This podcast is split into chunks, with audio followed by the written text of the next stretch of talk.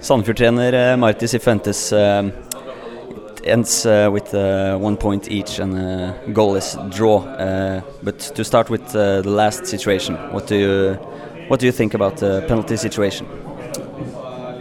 It's a mixed feeling for us. I think that definitely was a penalty. I guess that it's a penalty. I need to check again, but uh, I think that Pontus made a really good run with Damian. That is a very fast central back, so good effort.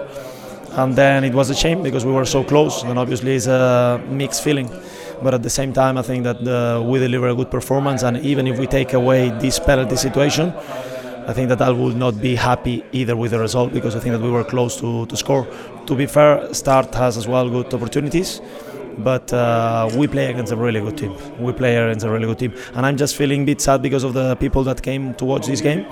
Because only miss some goals to just say that it was an amazing game. Because for me, two good teams and good football two teams that really want the ball, that really want to be offensive and, and, and look for the victory.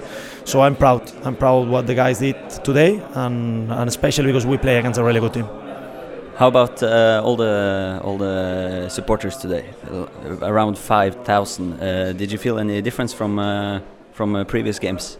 Around four thousand difference or three thousand. Uh, obviously, it's fantastic to play with this atmosphere, and I think that everybody, players, even me, I want to play those games.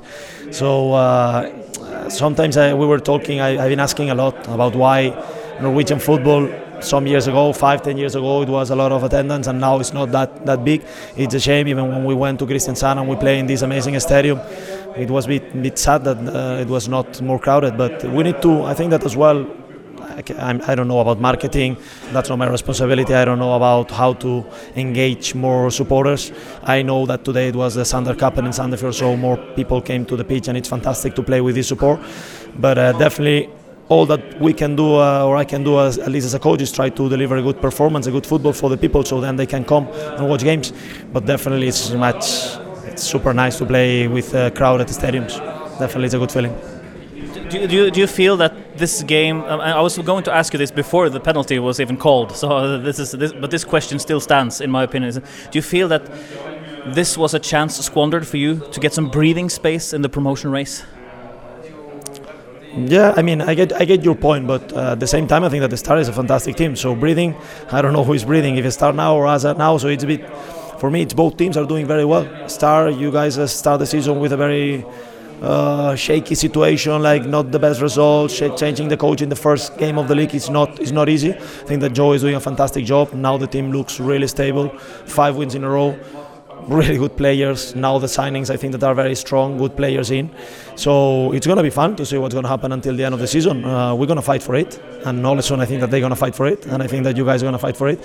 So in some way, I feel that even if we take away the penalty situation, I, I try to be as objective as I can. I think that Start had a very clear situation with Tobias in the minute, in late minutes, so it could change the game. But at the same time, I think in the overall, I think that we're a bit better, but that's perhaps I need to check again the game. I need to check the the goal chances. But it was a fun game. It was a very, let's say, close game for those team for the, both teams.